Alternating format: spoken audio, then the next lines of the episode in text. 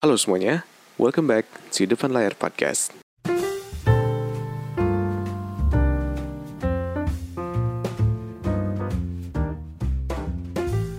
Halo semuanya, balik lagi di Depan Layar Podcast Apa kabar kalian semua hari ini? Apa kabar kalian semua yang lagi dengerin podcast gue hari ini? Gue doain semoga semuanya baik-baik aja Dan semoga kerjaan kalian beres Gue juga mau terima kasih buat kalian semua udah dengerin podcast gue dari awal sampai akhir Dan kalau misalkan kalian mau dengerin podcast gue yang lainnya Kalian bisa dengerin dari Youtube, di Apple Podcast, Spotify, dan Anchor dan gue thank you buat, buat kalian semua yang udah ngekontak gue lewat email, komen atau apa pun itu, lewat DM juga. Gue mau terima kasih buat kalian semua yang udah nge-share juga dan kalau misalkan kalian mau mensupport podcast gue ini, kalian bisa support lewat uh, Saweria yang gue kasih linknya di deskripsi YouTube di bawah. Oke, okay, uh, di hari ini kita masuk ke dalam bulan baru yaitu bulan September.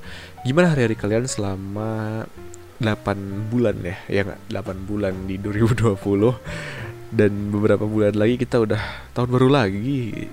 Keren gak sih? Kayak cepet banget. Entah kenapa gue ngerasa kayak ketika gue masuk ke bulan Maret gitu ya terus gue kedip terus gue buka mata tiba-tiba langsung September lagi. Kayak cepet banget dan gue nggak ngerasa nggak ngerasa lambang sama sekali entah kenapa. Dan di hari ini uh, kemarin-kemarin kan di terakhir itu kita udah ngomongin yang level up ya namanya level up yang ngomongin tentang uh, apa tuh namanya? Start with why kalau nggak salah. Dan di hari ini gue bakal balik lagi ke podcast yang biasa. Dan di hari ini itu mungkin dari judulnya aja kalian udah ngerti ya gue pengen ngomongin apa tapi mungkin gue pengen disclaimer dulu buat kalian. Uh, takut gue ngomong cuman mungkin dari beberapa dari kalian mungkin ada yang nggak bak bakal nggak setuju sama apa yang gue omongin hari ini. Mungkin ada beberapa dari kalian bilang kayak wah lu durhaka lu wah lu nggak bener lu jadi anak lu wah mati aja lu. Mungkin seperti itu tapi ya apa salahnya gue share uh, apa namanya opini gue dan pendapat gue dan habis itu dari topik ini juga sebenarnya terinspirasi dari teman-teman gue yang banyak yang cerita sama gue gitu. Kayak mereka tuh curhat sama gue uh, kemarin dia pengen buka kayak apa ya kayak semacam bisnis kecil-kecilan gitu karena nyari nyari pendapatan tambahan gitu kan. Tapi orang tuanya nggak setuju terus ada juga temen gue yang kasihan tuh sumpah kasihan banget. Dia pacaran tiga tahun sama temennya tapi tidak direstui orang tuanya karena perbedaan latar belakang. Terus gue juga ngedenger teman-teman gue yang dia tuh punya orang tua yang benar-benar strict banget. Dia nggak nggak ngebolehin anak yang ngapa-ngapain gitu. Oh iya di podcast hari ini gue nggak ngomongin tentang orang tua yang melarang tentang uh, apa ya kayak karir atau apa enggak tapi semua aspek mau percintaan kayak mau kehidupan kayak mau keuangan mau karir mau finansial atau apa pun. Pokoknya kalau misalkan yang hubungannya sama orang tua ngelarang pengen gue omongin hari ini gitu. Terus hmm, banyak orang juga yang gue banyak temen gitu ya banyak temen gue juga yang lu tau gak sih zaman sekarang Twitter itu dipakai untuk curhat doang? Karena banyak, banyak orang tahu kalau misalkan Twitter itu zaman dulu dia nggak pernah dia jarang make. Nggak tahu ya kalau misalkan kalian tapi hmm, teman-teman gue kebanyakan gitu. Jadi dia tuh udah punya Twitter dia tuh punya Twitter dan Twitternya tuh udah nggak pernah kepake lagi udah nggak pernah keurus. Tapi dia tahu kalau misalkan teman-temannya tuh nggak nggak nge-follow Twitter dia jadi si Twitternya dipakai buat dia tuh istilahnya apa ya kayak istilahnya kayak dipakai untuk uh, curhat aja kayak online diary gitu gitu. Dan gue tuh sempet ngestok temen gue gitu kan. Nggak sengaja sih bukan karena gue serius pengen ngestok dia nggak. Tapi gue nggak nggak sengaja ngestok dia dan yang gue baca adalah dia tuh kayak males gitu di rumah gitu kayak bener-bener uh, apa ya bener-bener banyak apa ya banyak apa ya tantangan dan banyak ya pokoknya gitulah gara-gara orang tuanya gitu. Dan hingga akhirnya gue mikir kayak hmm, mungkin gue bakal ceritain di sini aja deh supaya mungkin kalian juga lebih relate dengan teman-teman gue gitu. Nah itu dari beberapa hal kenapa gue pengen ngomongin tentang tema podcast hari ini. Dan langsung aja kita lanjut ke uh, topik atau inti dari top inti inti inti dari podcast hari ini. Gini, apa aja sih? Coba lu ceritain dulu ke gue mungkin lu bisa ceritain ke gue dulu sebentar. Apa aja sih yang orang tua lu larang dari lu? Entah itu mungkin kayak uh, karir atau mungkin percintaan gitu ya. Habis itu mungkin tentang apa lagi tentang pendidikan. Mungkin pen, lu pengennya masuk kuliah tentang ini tapi orang tua lu ngelarang gitu.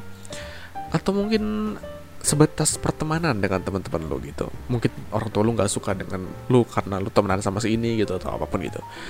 Coba lu ceritain di kolom, kolom komentar di bawah supaya mungkin nanti ada orang yang ngedengerin podcast gua dia juga bisa nge-share pengalamannya ke lu atau mungkin dia ngerasa ada temen yang punya apa ya punya uh, apa sih namanya? Punya punya pengalaman sama kayak lu.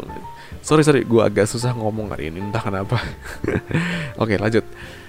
Abis itu gue juga pengen lu ceritain setelah itu kenapa orang tua lu nggak ngebolehin hal tersebut? Kenapa mereka atau dia ngelarang lu mem lu memilih jalan tersebut? Gitu.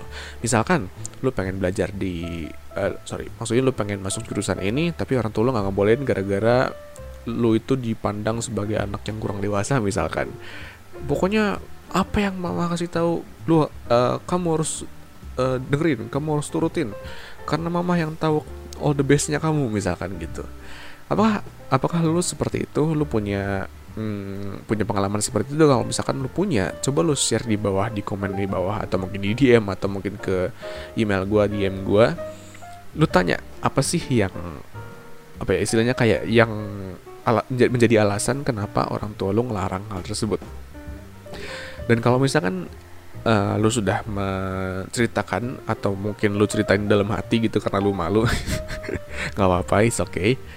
Gue pengen lu mendengar hal yang orang tua gue larang dari dalam diri gue atau kepada gue gitu. Kan gue udah pernah cerita mungkin kalian adalah subscriber yang baru dan lu nggak dengerin podcast gue yang lama tapi gue pernah cerita di podcast gue yang lama. Kalau gue adalah anak seorang anak yang lahir di dalam keluarga yang sangat strict. Keluarga gue sangat memiliki uh, peraturan yang sangat ketat di dalam di dalam keluarga gue sehingga waktu gue kecil itu long story short waktu gue kecil itu gue tuh agak kesulitan berteman karena ya memang gue nggak bisa nggak bisa berteman sama siapa pun gitu. Karena ya ada urusan dengan keluarga juga. Uh, ah, gue suka dimarahin kalau pulang malam. Terus even ketika gue SD gitu ya pulang pas maghrib tuh nggak boleh gitu. Padahal padahal padahal di Indonesia itu ya gue tahu rasanya. Maghrib adalah uh, apa ya kayak bel sekolah semacam bel gitulah kayak semacam bel di sekolah gitu tapi ini bedanya ini adalah bel ketika kita main. Ketika kita masih kecil kalau misalkan udah maghrib berarti lu harus pulang. Gue merasakan hal itu dulu tapi setelah itu gue udah dilarang lagi buat pulang maghrib. Dan gue akhirnya lebih sering menghabiskan waktu di rumah dan gue nggak punya temen waktu itu. Jarang punya temen lah istilahnya. Dan itu yang terjadi sama diri gue sampai di gue tuh umur 15 eh, atau 16 tahun lah gue gak lupa sih. Pokoknya sekitar segitu. 15 kalau nggak salah. Gue masih dilarang-larang segala macam apa pun segala macam gue dilarang. Gue pengen ngerjain ini dilarang gue pengen itu dilarang. Dan hingga akhirnya waktu gue juga pernah cerita ini waktu di umur 15 kalau nggak salah ya. Gue waktu itu lagi nonton film inget banget. Terus tiba-tiba orang tua gue marah gara-gara gue nggak belajar gitu. Dan di situ tuh gue tuh pengen banget nonton film tuh kenapa? Karena gue suka yang namanya perfilman. Gue pengen tahu cara mereka uh, nge-shoot si filmnya dan lain-lain sehingga si film itu tuh gue yang harusnya selesai dalam waktu 2 jam gue tuh gue tuh beresnya sekitar tiga jaman. Karena apa? Sejamnya lagi gue cari di YouTube gimana cara pembuatan si film itu. Gue jadi kayak gue search si behind the scenes ya dan segala macamnya gitu. Dan orang tua gue ngerasa kayak gue tuh nggak nggak punya apa ya nggak punya pandangan untuk mikir masa depan gitu karena gue nggak suka belajar dan lain-lain. Dan orang tua gue tuh pengen pengen banget gue tuh kayak papa gue karena uh, papa gue tuh adalah seorang programmer. Sementara gue itu paling gak suka yang namanya programming. Lu boleh tanya sama temen gue deh yang waktu SMA kalau misalkan lo kenal gitu ya. Atau mungkin lu temen SMA gue yang lagi dengerin podcast gue hari ini. Waktu pelajaran uh, visual basic atau yang kalian tahu tentang pemrograman visual basic kalau misalkan ada pelajaran itu gue selalu ngamuk di belakang. Karena ya mungkin lu adalah seorang programmer yang dengerin podcast ini. Ketika lu nggak mendapatkan sebuah masalah coding gitu ya ada satu baris yang salah. Terus ketika lu me, apa namanya lu ngebenerin satu garis itu terus tiba-tiba malah menciptakan lima baris masalah yang baru dan juga dulu tuh gue sering seperti itu gitu. Gue sering banget kayak gitu dan gue sering ngamuk dulu tuh gue sering marah-marah lah. Terus gue juga pernah apa ya kayak gue sering apa sih kayak namanya kayak suka apa sih bahasa Sundanya pundung. Gue gak tahu itu bahasa Sunda atau bahasa apa ya tapi kayak malas gitu kayak aduh malas deh gue ngerjainnya gitu. Terus gue kayak pengen udahlah gue copy paste aja si kodenya dari internet gue cari caranya terus udah gue paste aja di project kerjaannya gitu dan itu tuh yang gue alami waktu gue SMA dan orang tua gue pengen banget gue seperti itu. Gue pengen gue masuk ke programming tapi gue nggak suka. Gue lebih suka masuk ke dalam sesuatu yang namanya art gitu. Art gitu atau seni gitu. Nah akhirnya gue mulai rebel waktu itu. Eh dengerin ya. Gue nggak mau kalian ngikutin apa yang gue ceritain di sini gue cuma pengen kalian uh, dengerin cerita gue aja di situ gue mulai rebel dalam arti kayak bukan melawan kayak gue marahin dia nggak tapi dalam arti gue mulai tidak terlalu mengindahkan apa yang dia apa yang orang tuh omongin. Nggak terlalu ngedengerin lah nggak terlalu uh, diperhatiin gitu. Hingga akhirnya gue mulai kerjain segala sesuatu sendiri. Gue mulai belajar tentang perfilman sendiri. Terus waktu SMA itu gue mulai masuk ke dalam organisasi perfilman. Dan habis itu gue jadi belajar tentang perfilman. Gue belajar untuk uh, nge-shoot gimana caranya nge-shoot si gambarnya terus recording dan lain-lain gue belajar. Dan habis itu gue juga pokoknya banyak banget belajar waktu SMA dan orang tua gue tuh nggak suka waktu itu. Tapi ada satu apa ya kayak satu pencapaian terbesar gue di SMA ketika gue ber gue ketika gue tuh memutuskan untuk melawan apa yang orang tua katakan. Dan di saat itu ketika SMA gue bisa mendapatkan penghasilan yang sangat banyak. Kenapa? Karena waktu itu tuh zaman zaman itu tuh banyak banget proyek-proyek bikin video untuk uh, tugas gitu ya. Dan gue adalah salah satu orang yang uh, disuruh untuk mengedit videonya. Apa keunggulan gue dalam mengedit video di dalam ketika waktu SMA? Yang pertama, uh, kecepatan dalam vid mengedit videonya. Terus yang kedua, kerapihan mengedit videonya. Dan yang ketiga, gue gue perfeksionis kalau misalkan untuk urusan art atau seni gitu. Dari itulah kenapa orang-orang tuh seneng uh, suka untuk menyuruh gue untuk editin atau untuk nge-shoot si gambarnya. Mereka mempercayakan ke gue, tapi kekurangan dari gue adalah gue ngasih harga yang gak masuk akal. gue ngasih harga yang mahal. Tapi untungnya gue ada di sekolah yang sangat elit gitu kan yang duitnya orang-orang tuanya pada tajir semua jadi gue dapat masukan yang banyak gitu pemasukan yang banyak. Dan di situlah pencapaian terbesar gue hingga akhirnya gue berja berjalan sampai ke SMA kelas 3 di SMA kelas 3 itu sempat ada yang namanya pentas seni pentas seni pun gue disuruh untuk ngeditin si videonya dan habis itu ada satu lomba waktu SMA jadi lombanya itu tentang, kayak semacam pakan olahraga gitu. Dan gue di gue mau gue gue mewakilkan kelas gue dan itu tuh situasinya udah mau lulus sekolah. Dan gue mikir kayak untuk terakhir kalinya untuk terakhir kalinya gue pengen me membanggakan kelas gue gitu dan akhirnya gue ikut si lombanya gue gue gue shoot sendiri sama temen gue satu satu orang gue nge-shoot si gambarnya sendiri, videonya sendiri kita kita bareng-bareng nge-shoot berdua gitu. Gue minta tolong dia buat bantuin gue. Terus gue ngedit sendiri. Dan akhirnya kita gue uh, gue bisa membantu kelas gue memenangkan uh, lomba videografi dan kita memenang juara satu gitu. Dan habis itu gue juga mulai masuk ke art yang bukan videografi doang, tapi gue bikin uh, apa sih namanya gue lupa. Kayak infografik gitu. Eh, seni-seni seperti itulah. Dari situ gue juara dua lagi. Gue dapet di uh, eh, ITB kalau nggak salah. Gue gue lomba di ITB waktu itu. Terus gue dapet juara dua. Dan itu adalah pencapaian-pencapaian gue setelah gue melawan orang tua gue tapi gue nggak ngajarin lu untuk ngelawan orang tua lu. Apa yang apa yang gue coba untuk katakan di, kepada lu di sini?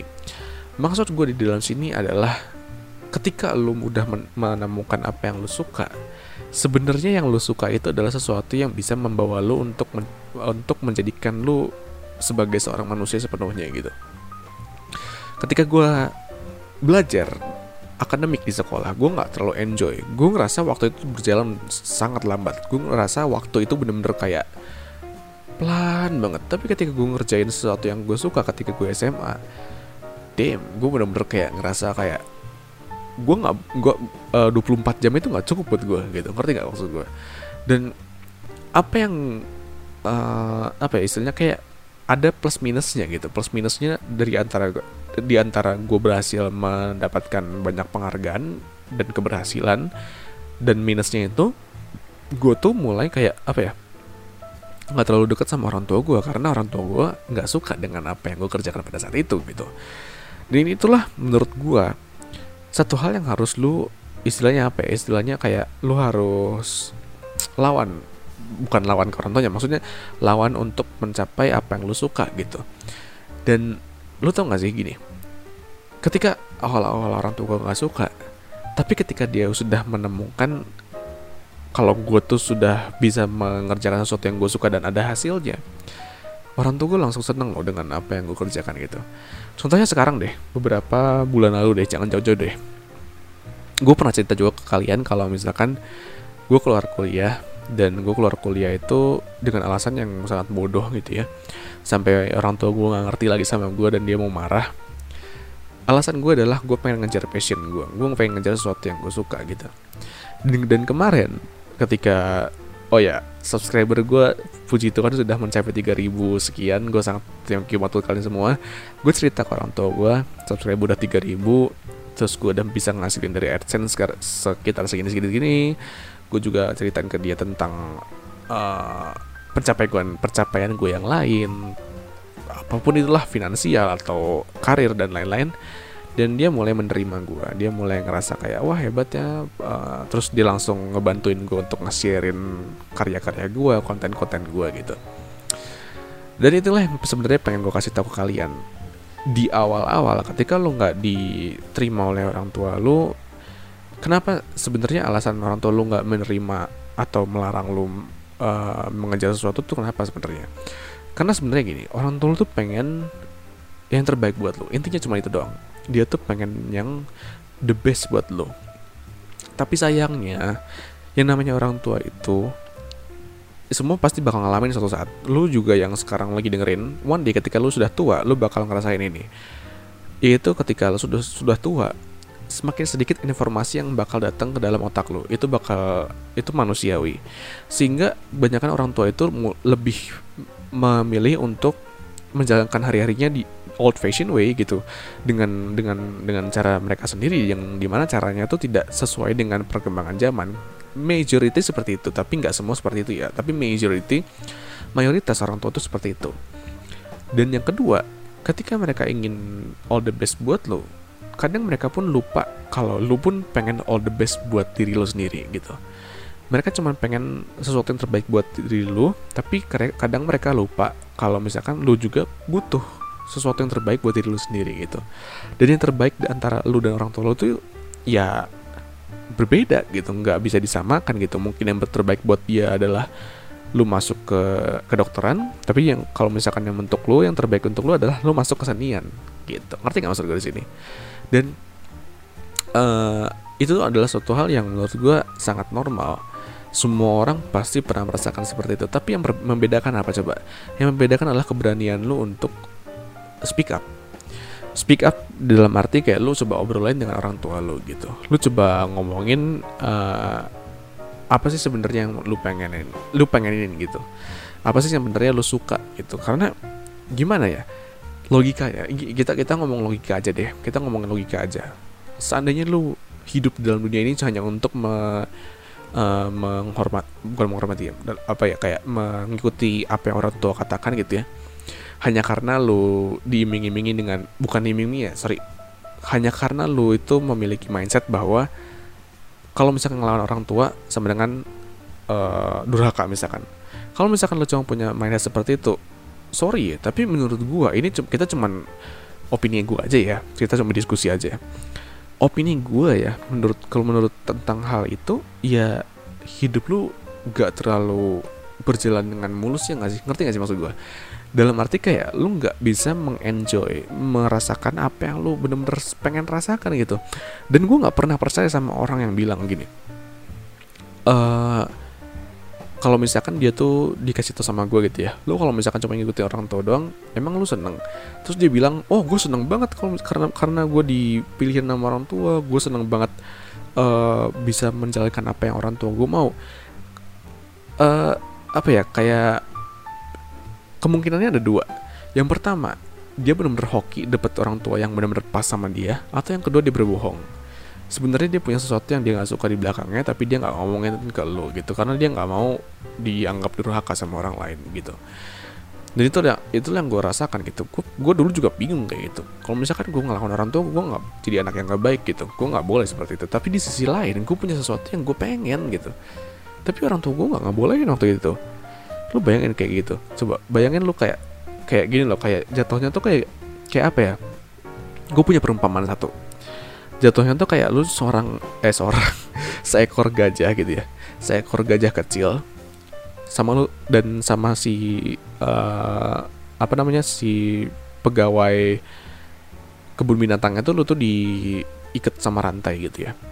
Tapi lu tuh bener-bener dirantai terus selamanya gitu. Lu nggak bener-bener nggak dilepas. Sehingga pada saat suatu suatu hari gitu ya lu tuh punya apa ya kayak punya badan yang besar badan lu sudah besar dan rantai rantainya itu bener-bener mengikat lu juga gitu mengikat lu sampai si lehernya tuh bener-bener agak kesakitan gitu ya.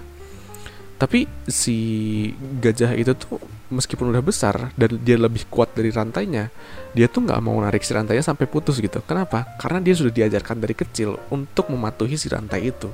Untuk mematuhi kalau misalkan si rantai itu nggak boleh dilepas gitu dan itu yang yang menurut gue terjadi kalau misalkan lo itu cuman mengikuti apa yang orang tua lo pengenin. Uh, meanwhile sementara itu lo nggak suka dengan apa yang mereka suruh gitu. Ya mungkin banyak orang yang bakal nggak suka dengan apa yang gue bilang tapi ini the truth gitu. Ini ini kebenaran nih seperti itu.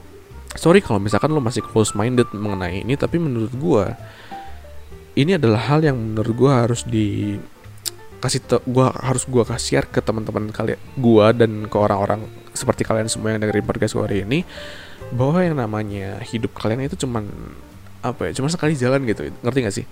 Kalau misalkan lu eh, amit-amit lah ya misalkan sekarang lo ikuti orang tua lo terus gitu dan ketika lo umur 40 tahun akhirnya orang tua lo sudah nggak ada misalkan ya dan lu baru merasa bebas untuk merasakan apa yang lu pengen rasakan dari zaman dulu tapi dilarang ya udah telat lah gitu. Ngerti gak sih?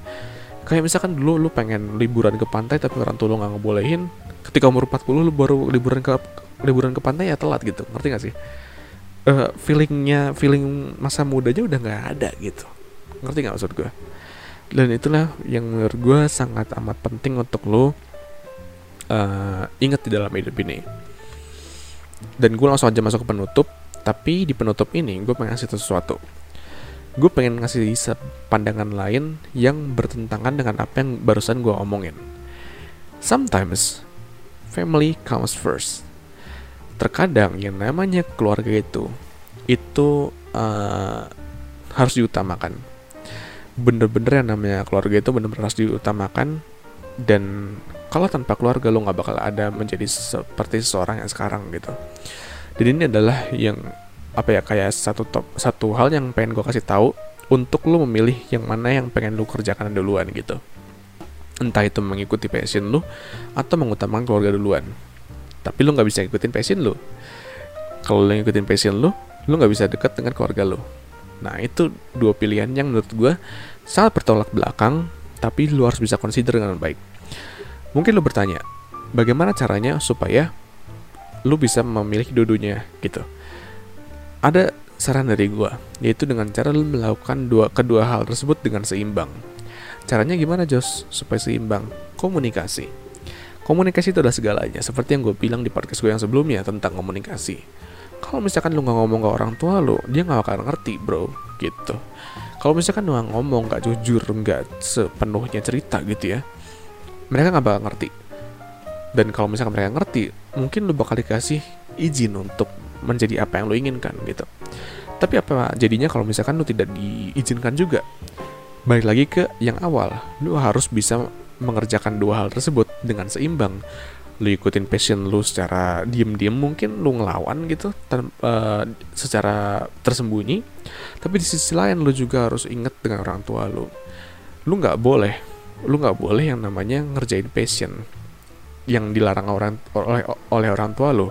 Terus lu berhasil hanya untuk membuktikan bahwa lo itu bisa mengerjakan itu. Enggak tapi lo harus bisa membuktikan buat kepada diri sendiri bahwa ketika lo even lo ketika lo sudah berhasil lo tidak balas dendam dengan orang tua lo gitu dan ini nggak cuma berhasil eh, nggak uh, cuman uh, apa ya nggak cuman berlaku untuk karir doang. Let's say lo adalah orang yang di, tidak direstui hubungannya dengan orang tua uh, uh, lo gitu misalkan. Ya lo bisa harus bisa membuktikan kepada diri lu sendiri bahwa ketika lu sudah mendapatkan uh, apa namanya uh, hubungan dengan orang lain lu harus bisa buktiin ke diri lu sendiri bahwa hubungan itu udah bener udah bener dulu. Lu buktikan dulu ke diri ke diri lu sendiri kalau memang lu bener-bener cocok sama dia gitu. Baru lu bilang ke orang tua lu lu komunikasikan ke orang tua lu dan lu cari jalan tengahnya gitu. Kalau misalkan untuk urusan restu lu nggak bisa rebel ya karena gue nggak tahu caranya gimana. Tapi intinya intinya lu harus bisa komunikasi juga. Lu harus ceritain ke dia apakah lu sudah merasa nyaman dengan si uh, pasangan lo itu gitu. Tapi kalau misalkan udah emang bener-bener nggak bisa itu gue nggak tahu sih. Sorry ya untuk urusan itu gue nggak nggak tahu karena gue belum pernah seperti itu. Tapi intinya seperti itu. Intinya adalah lu harus bisa membuktikan ke diri lu sendiri dulu bukan ke orang tua lu ya. Buktiin ke diri lu sendiri bahwa emang yang keputusan yang lu pilih itu bener dan ketika lu cocok baru lu ceritakan orang ke orang tua lu uh, di luar dari yang namanya percintaan lu boleh rebel ke orang tua lu. Menurut gue seperti itu. Rebel dalam arti lu bisa istilahnya apa ya dulu tetap melakukan passion yang lu kerjakan gitu. Meskipun uh, konsekuensinya adalah orang tua lu nggak nggak bakal terlalu dekat lagi sama lu tapi ya mau gimana? Lu memilih apa ya? Lu memilih hidup lu yang masih panjang atau lu pengen dikekang terus selamanya dengan mindset yang belum tentu bener gitu ngerti kan maksud gue gitu loh. Dan yang terakhir gue pengen cerita satu uh, apa ya kayak satu cerita gitu. Ini dari film Pixar judulnya Coco kalau misalkan lo tahu. CO Coco. Jadi di film itu long story short ini ada cerita tentang seorang anak kecil yang pengen jadi seorang musisi gitu ya. Tapi orang tuanya nggak ngelarang gitu dan hingga akhirnya dia milih untuk uh, mencuri apa ya istilahnya kayak mencuri bukan mencuri ya ya istilah, bisa dibilang mencuri lah mencuri uh, gitar dari salah satu gitaris gitu. Dan hingga akhirnya tiba-tiba dia masuk ke dalam alam lain gitu ya. Dan di alam lain itu dia di mendapatkan banyak masalah lah intinya. Tapi di alam lain itu banyak keluarganya yang membantu dia. Karena keluarga yang keluarga yang udah meninggal gitulah istilahnya di alam lain itu dia ketemu sama keluarganya yang udah meninggal. Tapi meskipun dia marah sama keluarganya yang udah meninggal gara-gara gak bolehin gak dibolehin untuk bermain musik gitu ya tapi keluarganya tetap membantu dia meskipun dia udah sebrengsek itulah istilahnya kasarnya gitu loh.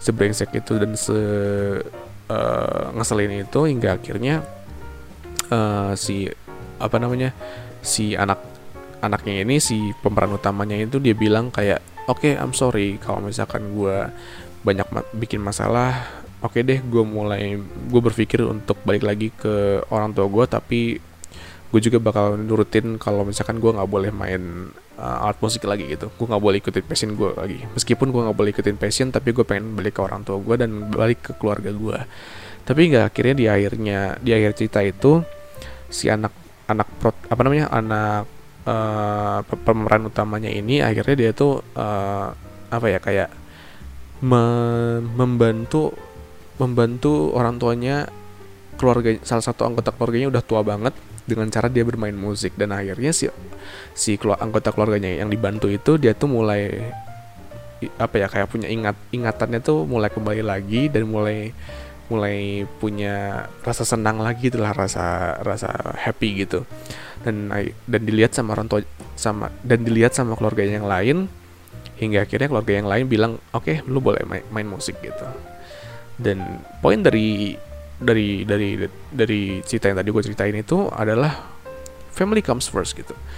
Keluarga keluarga uh, datang untuk pertama kali harus di harus didekati oleh uh, dengan pertama kali gitu ya tapi di sisi lain kadang ada ada passion lo juga yang mungkin lo harus coba cari juga menurut gue lo nggak bisa cuma memihak satu doang karena bagaimanapun lo adalah seorang manusia yang berhak untuk memilih apa yang lo ingin kerjakan gitu. Itu menurut gue dan sorry kalau misalkan cerita tadi tentang koko itu agak agak belibet agak complicated karena I'm not, I'm not a good uh, storyteller gitu. Gue bukan yang bisa nyeritain balik sebuah cerita. But you get the point. Lu ngerti lah maksud gue semoga lo ngerti. Gitu aja podcast gue untuk hari ini. Tumben 30 menit gue ngerjain podcast hari ini entah kenapa. Tapi intinya jangan jangan apa ya jangan mengikuti cara gue lu harus ikutin lu harus bikin cara lu sendiri untuk memilih yang lu suka karena dilarang oleh orang tua gitu ya. Lu harus bisa komunikasikan sendiri. Karena orang tua gue sama lo beda mungkin orang tua lo killer tapi gue enggak. Dan mungkin lu bisa mendapat dan eh, sorry dan gue harap lu bisa menemukan jalan keluarnya gitu. Gue harap lu bisa menemukan apa yang lu pengen cari di dalam hidup ini meskipun orang tua lu ngelarang gitu. Dan gue harap orang tua lu bisa menerima lu apa adanya gitu. Bukan seturut dengan kehendaknya. Karena menurut gue setiap manusia berhak untuk memilih setiap manusia berhak untuk mendapatkan apa yang dia inginkan dan setiap manusia berhak untuk menjadi apa yang dia inginkan gitu. Gue juga inget satu apa ya satu apa sih namanya kayak satu scene dari kartun Naruto gitu ya. Kalau nggak salah apa gitu. Pokoknya intinya ceritanya gini. Meskipun lu di lu memulai dengan sebuah keadaan yang tidak me, tidak baik untuk lu misalkan yang merugikan untuk lu gitu yang di mana lu nggak bisa secara bebas mendapatkan apa yang lu mau gitu ya. Meskipun lu dimulai dengan sisi negatif dari sebuah kehidupan tapi justru endingnya itu lu yang menentukan gitu. Bukan orang lain tapi diri lu sendiri entah itu lu bakal menjadi seorang yang lebih baik dari sebelumnya atau lu memecahkan sebuah keluarga yang tidak tidak baik sebelumnya gitu. Jadi inilah yang lu yang lu bisa lakukan sekarang. Kalau misalkan sekarang lu nggak dibolehin ngapa-ngapain sama orang tua lu, impian lu kandas di tangan orang tua lu misalkan lu udah nggak bisa ngelanjutin kehidupan lu karena ya lu harus nurut sama orang tua lu. Tapi dengan hal itu, gue nggak pengen lu ngikutin orang tua lu kalau misalkan menurut lu itu salah lu, lu jangan ikutin orang tua lu. Meskipun lu nggak punya pilihan lain tapi setidaknya one day ketika lu punya anak ketika lu punya keturunan lu tidak menjadi seperti mereka. Lu menjadi seorang yang lebih open minded dan menghargai setiap pilihan dari dari anak lu dan orang lain. Setidaknya hal terkecil yang bisa lu lakukan adalah itu. Meski meskipun lu lu nggak bisa ngerebel dan lu nggak bisa Uh, mengikuti passion lu atau mengikuti impian lu, tapi itu hal yang lu bisa lakukan setidaknya sekecil-kecilnya dalam hal dalam hidup ini. Uh, dengan cara lu tidak melakukan hal yang lu nggak suka di masa lalu gitu. Dan itulah yang gue dapat dari Naruto ya. gue suka banget nonton Naruto karena kehidupan apa namanya pelajaran hidupnya bagus banget gue nonton ulang lo Naruto. Ya so, apa namanya gue cerita curhat dikit lah gue nonton ulang dari awal sampai akhir dari belum si Puden tau gak sih?